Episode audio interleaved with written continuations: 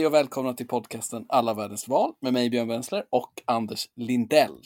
Idag så ska vi till ett land som nästan alltid förvecklas med sitt grannland. Till ett val som inte är fritt med en given segrare. Det kommer att vinnas av en man som enligt säkra källor skakat hand med både Brezhnev, Mandela, George Bush och Emmanuel Macron. Ja, vart ska vi egentligen Anders? Vi ska till republiken Kongo, eller som vi brukar säga i Sverige, eh, Kongo-Brazzaville. De väljer ju eh, ny president då, eller förmodligen inte alls. De väljer samma president. de väljer samma president som de brukar välja den 21 mars. Här. Och eh, i det här valet så är det just bara presidentval. Eh, parlamentet har man eh, redan valt. De har val nästa år, tror jag, till, till nästa parlament. Och eh, innan vi går in på det politiska systemet här, som vi ska lägga först, så är det då Kongo-Brazzaville på svenska. Den gamla franska republiken Kongo, att särskilja från det mycket större landet, det gamla belgiska Kongo.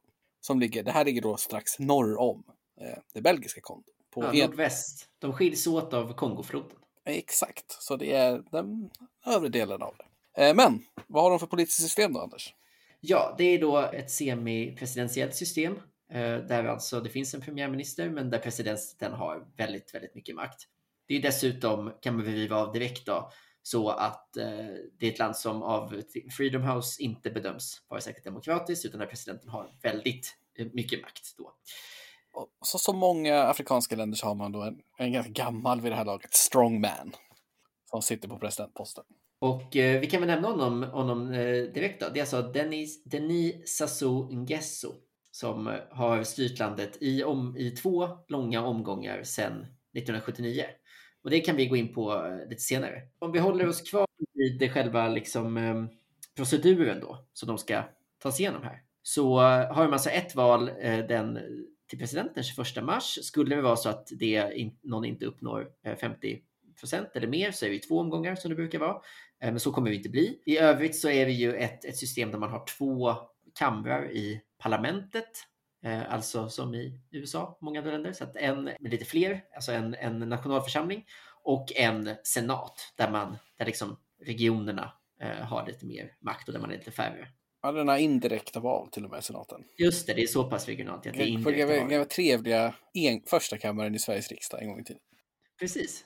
Och som vi också lärde oss senaste avsnittet som också holländska senaten har. Alltså att det är indirekt från regionerna.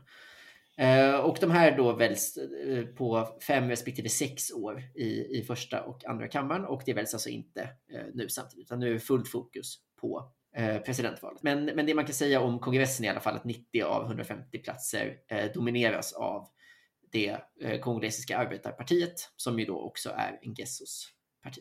Ja, vi kan också bara ta upp att det har visat sig farligt att ställa upp som kandidat emot herr Nguesso. Och det bidrar då till den här väldigt problematiska Freedom House-rankingen. Verkligen, båda motkandidaterna 2016, eller de två huvudsakliga motkandidaterna 2016 avtjänar just nu ganska långa straff. Man kan också lägga till på den konstitutionella setupen att han gjorde en liten konstitutionsförändring 2015. Just det. Vill du berätta? Vill du redogöra för den snabbt? Uh, ja, nej, men han öppnade upp för sig själv att uh, köra i fler val. Han började närma sig gränsen. Så nu får han köra den här gången och sen får han köra igen. Uh, jag tror det ska vara 20, det är väldigt oklart med hur långa mandatperioderna har varit, men nu tror jag att det är fem år. Så han får köra igen 2026. Just det, ja precis. Han innan har, var det de har haft, år. Innan var det sju och innan det så var det fyra. Så och det här nu är det fem. En, så att Engesso kör ju för, han, han eh, gör ju nu, kommer ju om han blir vald att göra sin sjunde mandatperiod. Men de har ju varit olika långa, de här sju mandatperioderna. Och under två av hans mandatperioder så har det funnits en formell eh, begränsning om att man bara får sitta två mandatperioder rad. Så det är också lite roligt. Han kan ju vara ute efter något så här obskyrt rekord som blir en TP-fråga samtidigt. Vilken, sittande, vilken president har suttit under flest olika mandatperiodsregler? Ja. Han är i ja. sin tredje runda nu, så det, det, är ju svårslaget. En ändring brukar man ju hinna med, liksom, men två? Mm. Ja, det är inte vanligt. Ska vi... Uh... Gå in på landet lite snabbt då?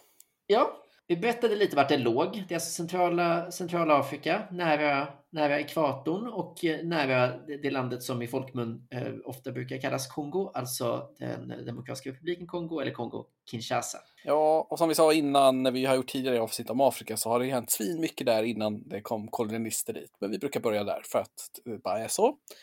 Eh, och, och, Kongo, den här delen, det är en del av det som kallades franska ekvatorialafrika. Som är idag är de delarna som är Chad, Centralafrikanska republiken, Gabon och eh, Kongo. Då. Detta enorma landområde som då hade Brazzaville som huvudstad. Lite kul kuriosa här, och det är ju svårt att ens greppa ironin i det här, men fransmännen hade alltså mage att under 40-talet kalla Brazzaville för huvudstaden för det fria Frankrike. Ja, det är ju, det är ju nästan så att det, det man kan knappt tro att det är sant. Men är alltså under de åren som, som eh, ja, den lilla delen av Frankrike som låg i Europa på den här tiden mm. eh, ockuperades. Under tysk. Sen vad kongone kongoleserna och chadianerna tyckte om den franska närvaron i det egna landet och om det definierades som fritt, det låter vi vara osagt i den här podden. Men i alla fall, man har varit huvudstad för det fria Frankrike. Eh, men eh, i och med Brazzaville-konferensen 44 som vi ramlade allt om i avsnittet om Niger, det är bara att gå tillbaka och lyssna på den pärlan, så öppnade Frankrike upp för ett snuttande plan till självständighet. Och, eh, och det blir man då 1960. Och då efter en ganska stökig start så snubblar man in på Sovjetsidan i kalla kriget kan man säga. För att man testar olika typer av vänsterstyren under början av 60-talet Eh, under två olika strongmen kan man säga. Man har även en snabb eh, tioårsperiod där man via marxist-leninistiska inflytandet byter namn till People's Republic of the Congo. Men eh, det, det övergav man sen. Men man hade, man hade ingen demokrati utan det var liksom eh, enpartistat. Nuvarande presidenten kom först till makten 1979. Eh, han var en insider i tidigare regeringar då och eh, var den som tog över när det blev ett vakuum. Han började då direkt med att hålla hårt i Sovjetkopplingen genom att dra till Moskva och signa en 20-årig vänskapspakt. Men han öppnade också upp lite för liksom, västutbyte med mineraler och grejer. Men han satsade hårt på Sovjet kan man säga. Och det ledde oss fram till 1992, Anders. Och då hände det ju grejer i Kongo, eller hur? Ja, för då har man sitt första egentliga demokratiska val. Och då eh, bryts då Sassou Nguessos, det som, han har suttit vid makten då i 12 år, tre mandatperioder, men då förlorar han eh, valet mot en person som heter Pascal Lissouba. Och eh, Lissouba tillhörde ett parti som löst översatt heter den Panafrikanska unionen som är liksom ett mer socialdemokratiskt inriktat parti. Så fortfarande en viss vänsterlutning och sen så återigen den här panafrikanska idén där man liksom försöker knyta an till en afrikansk identitet men han hade ju en, en eh, period som präglades ganska mycket av både liksom politisk och demokratisk, eller politisk och ekonomisk uppöppning lite grann. Så att eh, det påbörjades någon typ av process under Lisubas eh, mandatperiod där man eh, ja, öppnade upp landet på olika sätt. Ja, det var ett snabbt, snabbt inbördeskrig där 94 också, när Noesso lämnade och som många afrikanska ledare i den här podden går i exil i Frankrike i tre år innan han återvänder. Ja, innan han återvände och det blev väl ett nytt inbördeskrig som det är inte så att han återvände och, och kunde ta revansch i ett öppet val, utan det var ju... Han åker tillbaks för att ställa upp i valet 97. Mm. Och sen innan det hinner bli val 97 så blir det stök. Mm. Stök på riktigt, som blir krig på riktigt, som slutar med att Angola äh, går in och säkrar upp NUSs seger, kan man säga. Ja, så att med stöd av Angola så tar han makten igen och påbörjar då sin, sin fjärde mandatperiod 1997. Och så kör de ett val 2002 tror jag som är fruktansvärt eh, icke-demokratiskt. Och i samband med det så gör man, gör man om konstitutionen där, han, eh, där man infört två, eh, en två mandatperiodsgräns som får vara sju år lång då, precis som vi nämnde förut. Eh, men sen innan, innan Ngeso har hunnit sitta de sju åren, eh, eller de 14 åren då, så ändrar man det igen 2015 för att han ska kunna köra på ett tag till.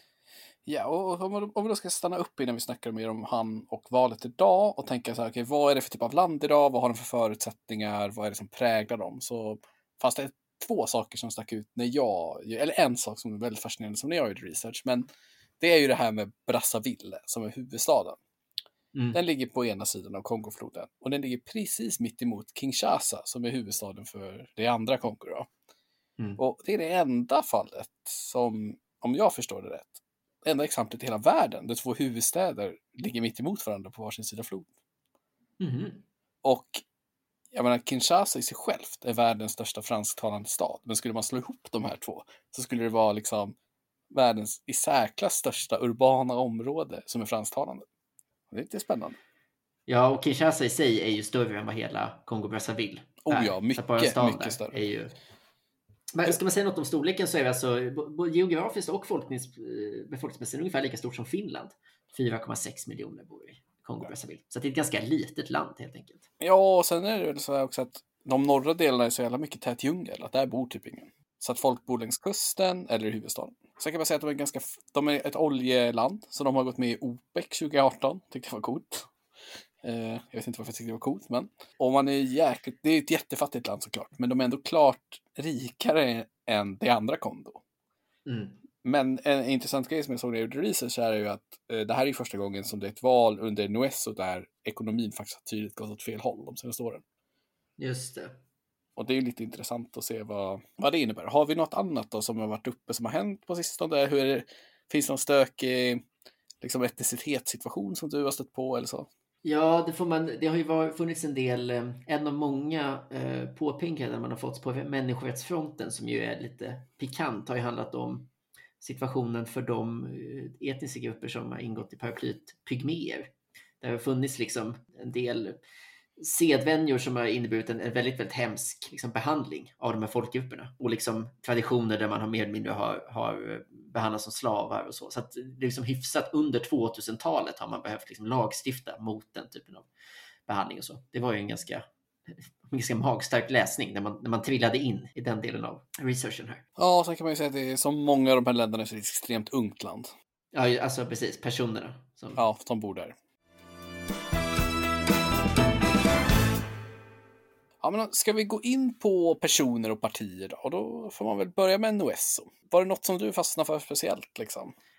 Nej, det här tror jag är din gubbe heter du. Ta några springbjörn. Nej, men det, det, vet jag inte om jag har. Men han har ju en rätt eh, tråkig bakgrund på ett sätt. Om man ska säga. Så här, han har ju styrt landet, som jag förstår det, i 36 år totalt, vilket ju är skitlänge. Så han har fått smeknamnet kejsaren internt, vilket man kan förstå. Men han har kommit till makten 79 då och fram till 92 så rattade han en enpartistat. Hans bakgrund är militär. Han är till och med så att han är, var commanding officer för ett elitförband med fallskärmssoldater. Han är en grundande medlem av partiet han styr. Han stödde militärkuppen 68, hade en hög, hög position i styret innan. Han kom liksom inifrån. När han tog makten, det är min bild att han bara, det var ganska mycket business as usual. Kort exil 94 till 97, tillbaka. Han har träffat många världsledare som jag sa i introt. Eh, hans internationella rykte fick en törn när det, han är liksom tydligt inblandad i en utredning om ett par hundra försvunna flyktingar som försvann 99, troligtvis dödar av många. Och sen finns det såklart en härva med pengar i Europa som har hans namn som har hamnat där fel. Väldigt korrumperat såklart. Och han leder då eh, Arbetarpartiet helt enkelt, som mm. de heter. Eh, jag kollade upp att han är den åttonde äldsta sittande afrikanska presidenten, om jag googlade rätt. Men mm. då, eh, då är frågan, eh, tar du vem som är den äldsta sittande afrikanska presidenten? Alltså jag tror att man alltid blir för... Är det inte Kagame? Alltså i eh, Rwanda. Det känns som att han är äldre än man tror i alla fall. Och att många av de andra stötarna har lite trillat av. Jag säger så att, eh, eh, vad hette han som rattade Mugabe såklart. Han hade ju ja, jättelänge precis. Rekord. Mugabe var ju längre än man tänkte. Ja. Men nu är det inte han. Alltså, Paul Kagame i Rwanda är ju 63, Anders. Han är ju en Aha. ungdom i sammanhanget. Oj, här. Ja, nej, eh, den äldsta är Paul Bilja som rattar Kamerun. Han är 87. Ah, såklart. Eh, Museveni som vi hade från Uganda är... Ja, just det, han är jättegammal. Ja, Nej, han är bara 77. Så han är bara sjunde äldst. Ja, det är fan otroligt. Så, men eh, han är inte inne på topplistan än, topp fem, och jag antar att det är något han siktar på. Om han sitter sina kommande fem år och fem år till, då var man ju uppe på 86-87 och då kanske han kommer vara liksom med i det racet. Om man nu vill vara med i ett sånt race. Ja, det tror jag han vill. Vad har vi för utmanare då? Om vi nu kan säga så. Ja, men det har ju funnits eh, i, i ehm, vi kan nämna dem. Där, så 2016 fanns ju två, två personer som kandiderade mot eh, Jean-Marie Michel Mokoko och André Okombi Salissa. Båda de sitter liksom inne på långa fängelsestraff efter att ha försökt detta. Alltså att det är ju inte ett land där, där det kanske känns skitkul att ta på sig rollen som positionspolitiker. Eh, men det stora parti som på något sätt har eh, liksom agerat opposition, det är då de här alltså UPASD, den, liksom som blir den franska förkortningen av Panafrikanska unionen för socialdemokrati. Det här lite mer eh, reformistiska eh, mittenvänsterpartiet som då styrdes av den här Pascal Lissouba som är ju den enda, premiär, den enda andra presidenten man har haft sedan 70-talet då, en eh, ngeso. Nguesso. De, de har åtta platser i parlamentet, vilket gör dem till det näst största oppositionspartiet. Det är ju bara i sig ganska otroligt med tanke på att det är ja, vad är det, 150 platser eller någonting sånt där. 151. Totalt. Ja, de gick ut med att, att de bojkottar det här valet i slutet av januari, så att de kommer inte ha en kandidat. Utan istället så är den huvudsakliga motkandidaten en av dem som också körde 2016 utan då att bli, bli fängslad. Nämligen Guy Brice Parfait Colella. Vad, vad har vi på honom Björn?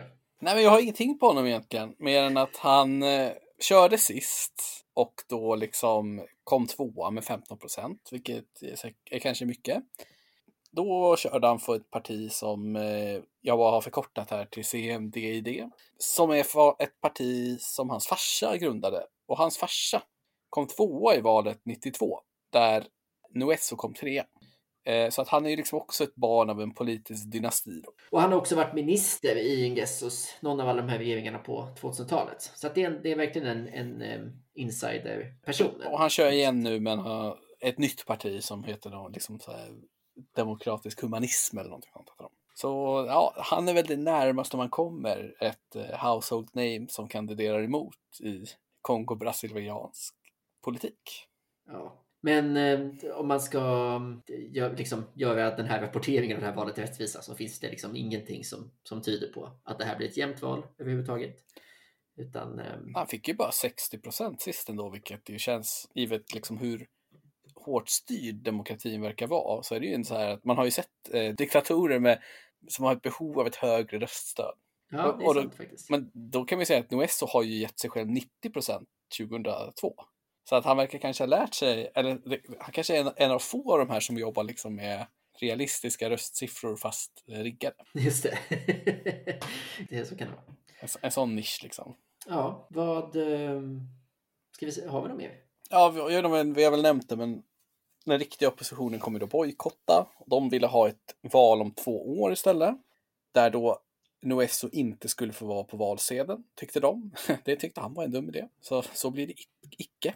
Eh, och ett annat rykte som finns är ju att han, eh, Noesso, då preppar tronen lite för sin son som kanske ska ta över framöver. Just det, har han någon, någon roll idag? Vet vi det? Nej, men dottern kör någon typ av eh, jobb på kommunikationsministeriet, någonting sånt liksom. Så hon kör ett jobb, men han verkar inte vara i maskinen så att säga. Jag ser att han är, jo, han håller på, han är lite inblandad i um, det nationella oljebolaget såklart. Så det statliga oljebolaget håller på. Motsvarigheten till statliga uranbolaget för Niger antar jag att det är. Ja, precis. Det är, så, det är en, en, en väg till, till toppen. Jo, det finns väl två kungadömen, oljebolaget och politiken. Typ. Ja, eh, men vi får se vem i familjen Gesso som, eh, som tar över fanan då. När, eh, när farsan väl har kört klart sin period, hur lång den nu blir. Det kanske blir en liten kamp där.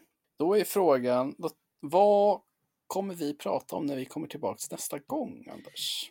Det står faktiskt parlamentsval i Bulgarien, ser det ut att bli. Så att, nä precis, nästa gång blir Bulgarien. Det blir väl spännande. Absolut. Ja, vi tackar för oss. Hej så länge. Ha det bra.